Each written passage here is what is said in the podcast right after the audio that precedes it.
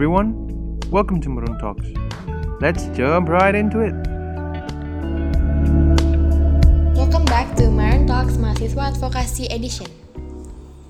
Oke, balik lagi bersama Humas dalam podcastnya kali ini yang akan membahas tentang kemahasiswaan dan advokasi. Bahasan kita kali ini adalah tentang gimana sih roda organisasi berjalan di masa pandemi. Kalian pasti teman-teman pendengar tuh bingung ya, gimana teman-teman menghadapi masalah yang terjadi, gimana teman-teman survive gitu. Makanya tagline dari podcast kali ini adalah survive. Asik. Nah di sini ditemenin siapa aja? Aku ditemenin oleh the one and only Rahim kita, Yunadia. Halo Yuna. Halo Maruners, balik lagi bersama aku ya. jangan bosan, jangan bosan. Oke, kangen gitu. Kayak suara-suaranya Ayu Yuna gitu. ya. Hmm, suara Ayu ya, bisa aja Hanif ya. Oke, kita lanjut lagi kepada gestar satu kita nih ada dari PO Prabu tahun 2020. Halo nih, halo nih, halo semuanya, halo kawan-kawan humas. Eh, sebelumnya terima kasih nih udah diberi kesempatan buat eh, ngobrol-ngobrol bareng di sini.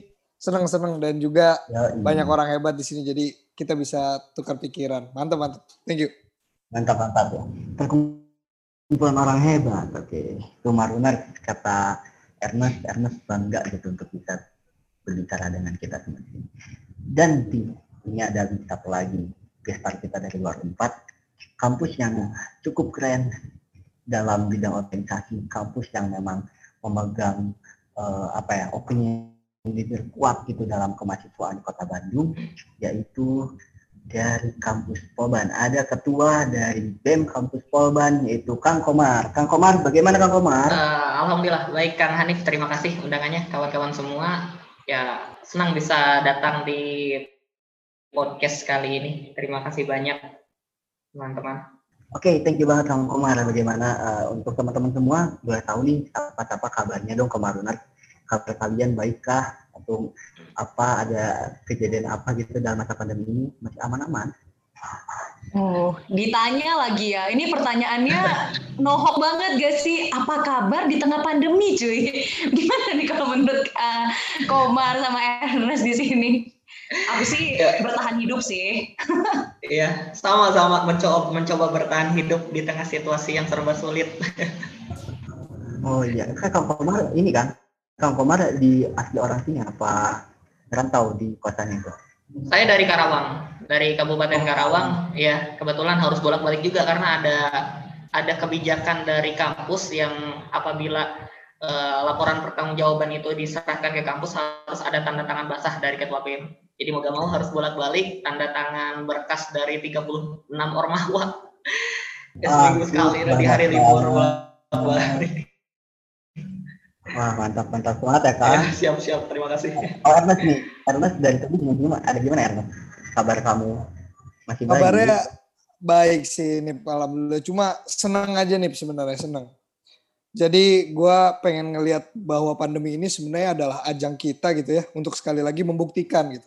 Manusia itu adalah makhluk paling adaptif di alam semesta ini. Dan gue bangga bisa menjadi bagian dari pembuktian tersebut. Kayak gitu nih. Pak itu keren banget Ernest. Emang benar, gue setuju banget sepakat banget dengan Ernest. Manusia ketika ditekan oleh lingkungannya, dia harus bisa adap- adaptif dong. Maka dari itu, kita pun dalam mem- menjalankan organisasi, eh, lingkungan kita keadaan lagi menekan.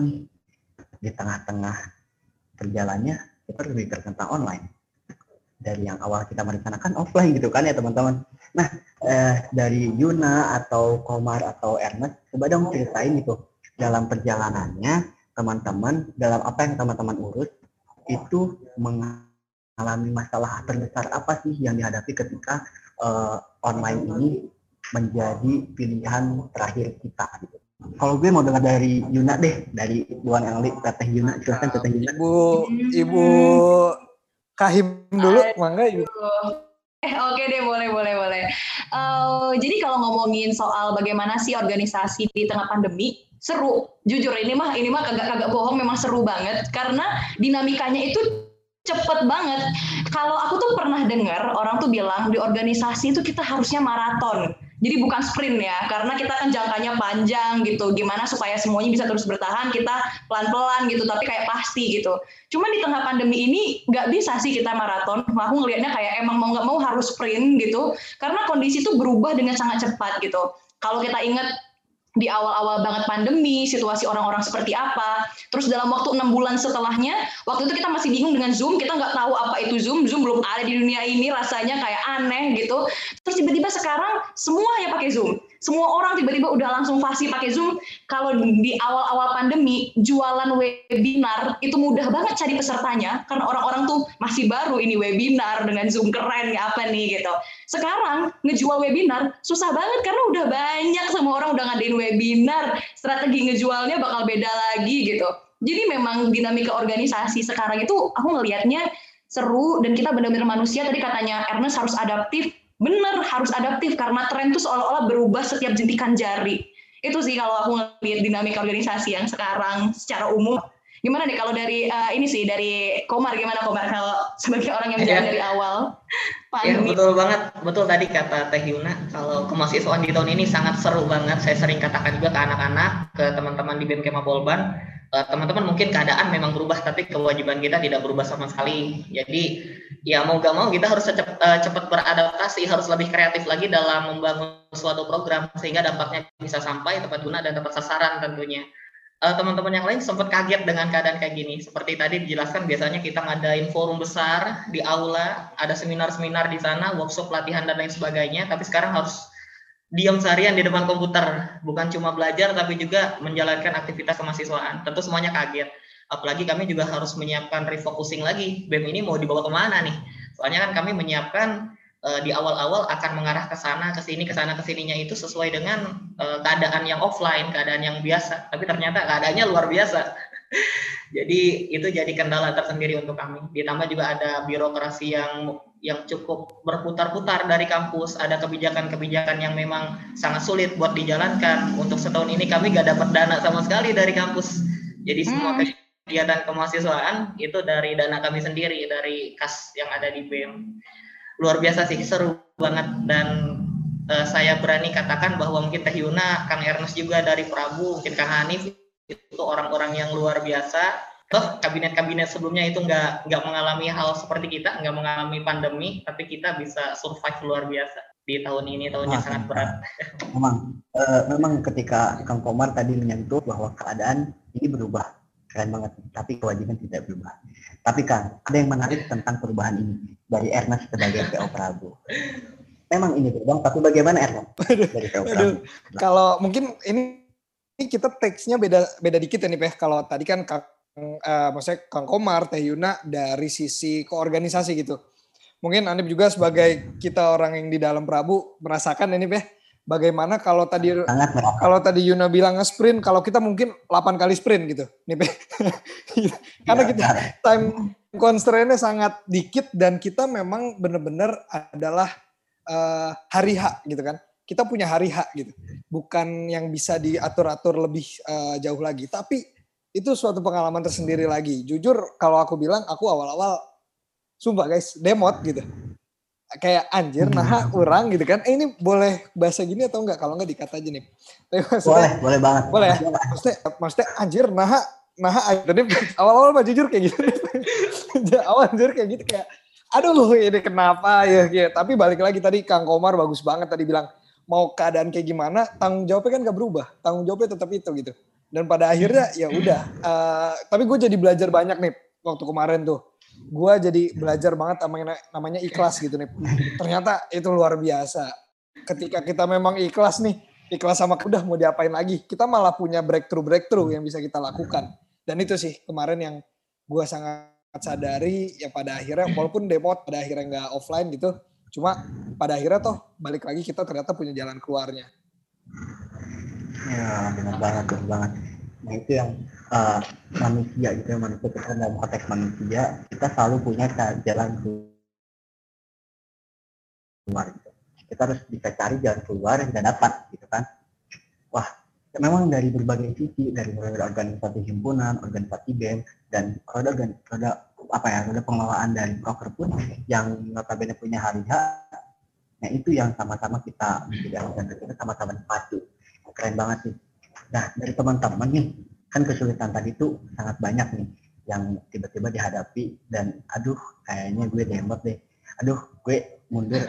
Bahkan soalnya yang kalau bisa dibilang Prabu sangat pun gitu ya pada awalnya Ernest merasa aduh kenapa gue daftar? Gitu ya nih ya gitu kan? Nah akhirnya apa nih? Langkah-langkah apa hal-hal apa yang akhirnya buat teman-teman buat Kang Komar buat Yuna buat Ernest oke okay, ini online dan gue bisa sukses dan bisa lewati masa ini.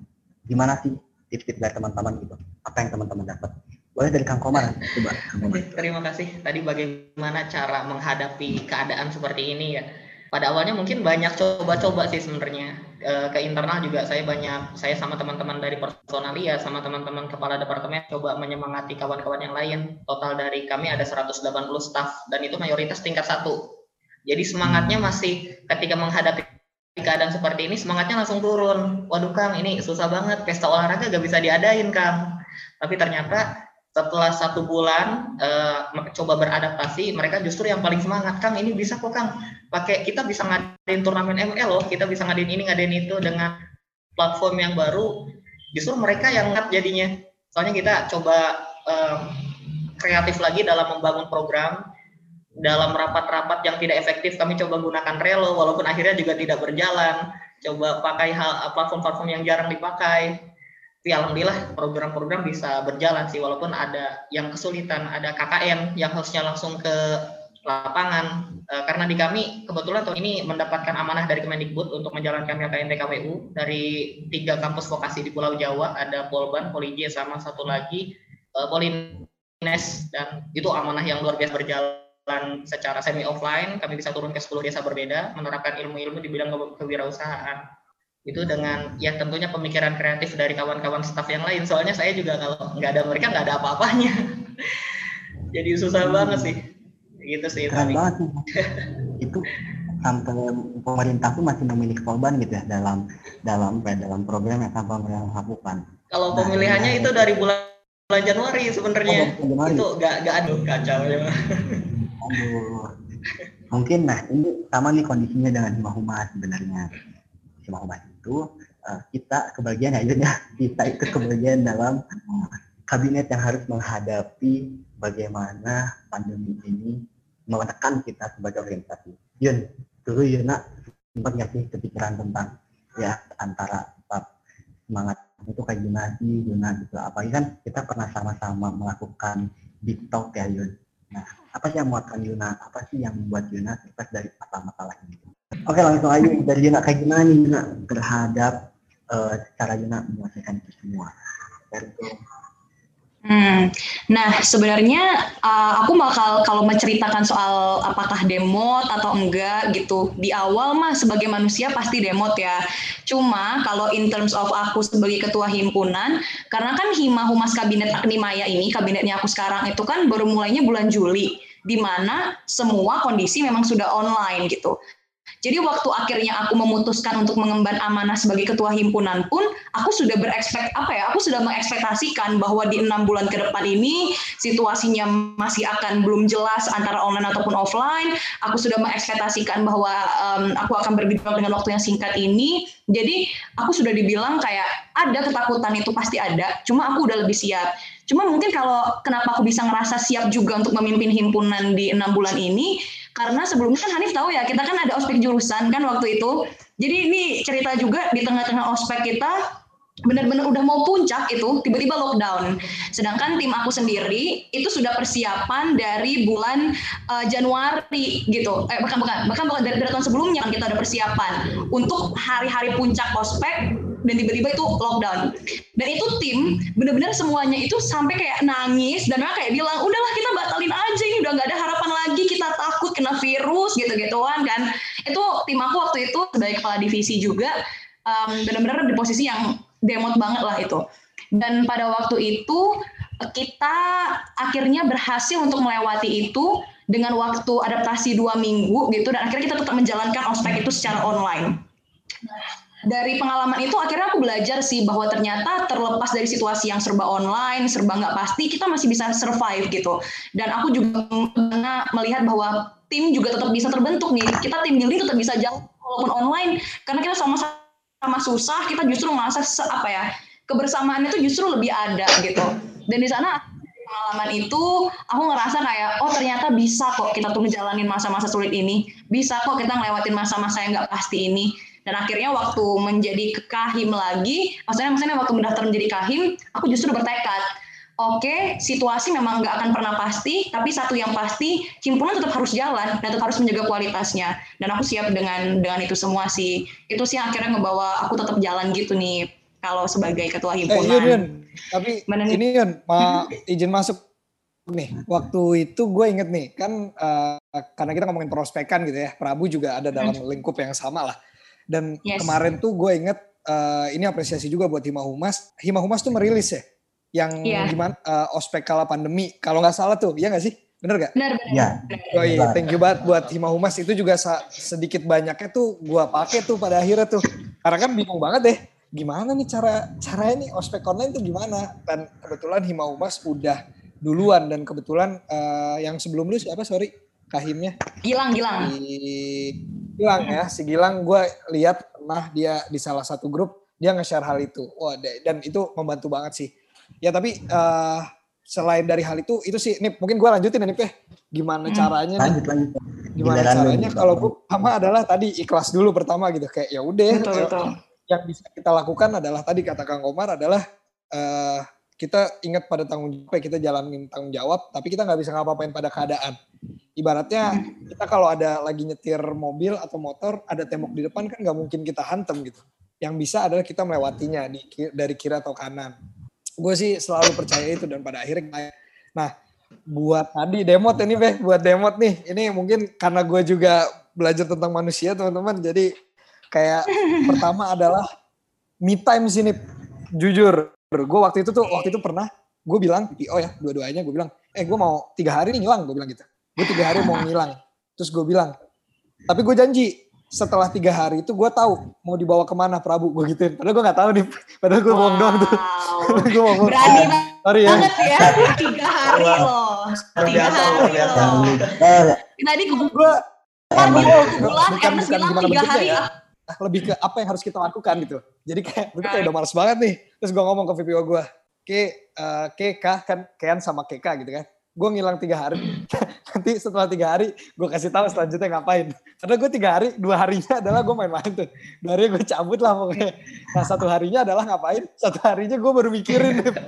gue baru mikirin nah, apa ya langkah selanjutnya. Jadi mungkin kayak nama Keka juga baru tahu kebohongan ini kalau denger podcast ini tapi ya gitu teman mungkin bisa dengan refleksikan lagi gitu sebenarnya uh, apa nih terutama mungkin teman-teman yang berada di level leader leader ya ini sebenarnya apa nih yang harus dibawa?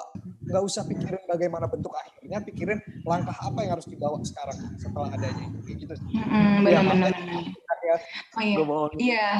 Benar sih setuju sama Ernest. Kalau Ernest tadi lebih ke ambil me time, kalau aku yang kedua yang benar-benar ngeberi semangat tuh punya orang diskusi, temen diskusi dan di sini tuh adalah mentor aku yang bisa ngasih tahu bahwa ya udah situasinya kayak gini, tapi lo justru sebagai pemimpin ngelihat ini harus sebagai opportunity dong dari kondisi seperti ini. Lo harusnya bisa ngelihat apa ya bisa yakin lah gitu ini kita jagain. Nah justru karena aku kena cambuk tadi sama mentor aku yang dia bilang kenapa jadi kamu sebagai pemimpin ikut-ikutan pusing? gitu kan. Kenapa kamu ikut-ikutan uh, galau? gitu. Kamu justru harus bisa cepet nih fokus ke solusi gitu. Itu juga ngebantu aku banget saat itu kalau pada waktu demo demo kemarin. Komar gimana kalau Komar sama sih sebenarnya. Saya juga beberapa kali ya keluar dulu. Kayak gini mumet banget pusing. Tidur juga gak bisa pikiran terus. Tapi akhirnya main sama teman-teman yang lain. Malah kita agendain satu uh, satu kabinet. Beberapa orang sih sebenarnya. Ini juga melawan aturan dari pemerintah sih sebenarnya. Kita coba ngecamp. Ini gimana nih kira-kira? Dan akhirnya alhamdulillah bisa berjalan. Walaupun ngecampnya itu rada di akhir-akhir ya. Agak ke tengah soalnya. Nah, mungkin untuk beberapa hal juga saya banyak turun ke lapangan langsung. Beberapa hal langsung jadi panitianya juga. Kan kalau di tengkal ya teman-teman kita yang di bawah itu kebingungan kan ada kala ketua juga yang kita ibaratkan kalau di kendaraan itu kan sebagai supir yang mengendalikannya belum jalan. Dari akhirnya saya pun di awal-awal banyak banget turun langsung program saya yang pikirin nanti disosialisasiin sosialisasiin sama teman-teman yang lain. Malah teman-teman dari legislatif eh, pusing mereka ini ketua pelaksananya siapa masa KBM yang jadi ketua pelaksana bingung mereka banyak protes juga ya alhamdulillah lancar semuanya anak-anak juga pada paham Iya iya iya. Iya benar. Tapi ini menarik sih soal yang ini tadi. Ini aku kayak masuk dikit soal yang tadi pemimpin yang turun. Aku udah baca juga di risetnya.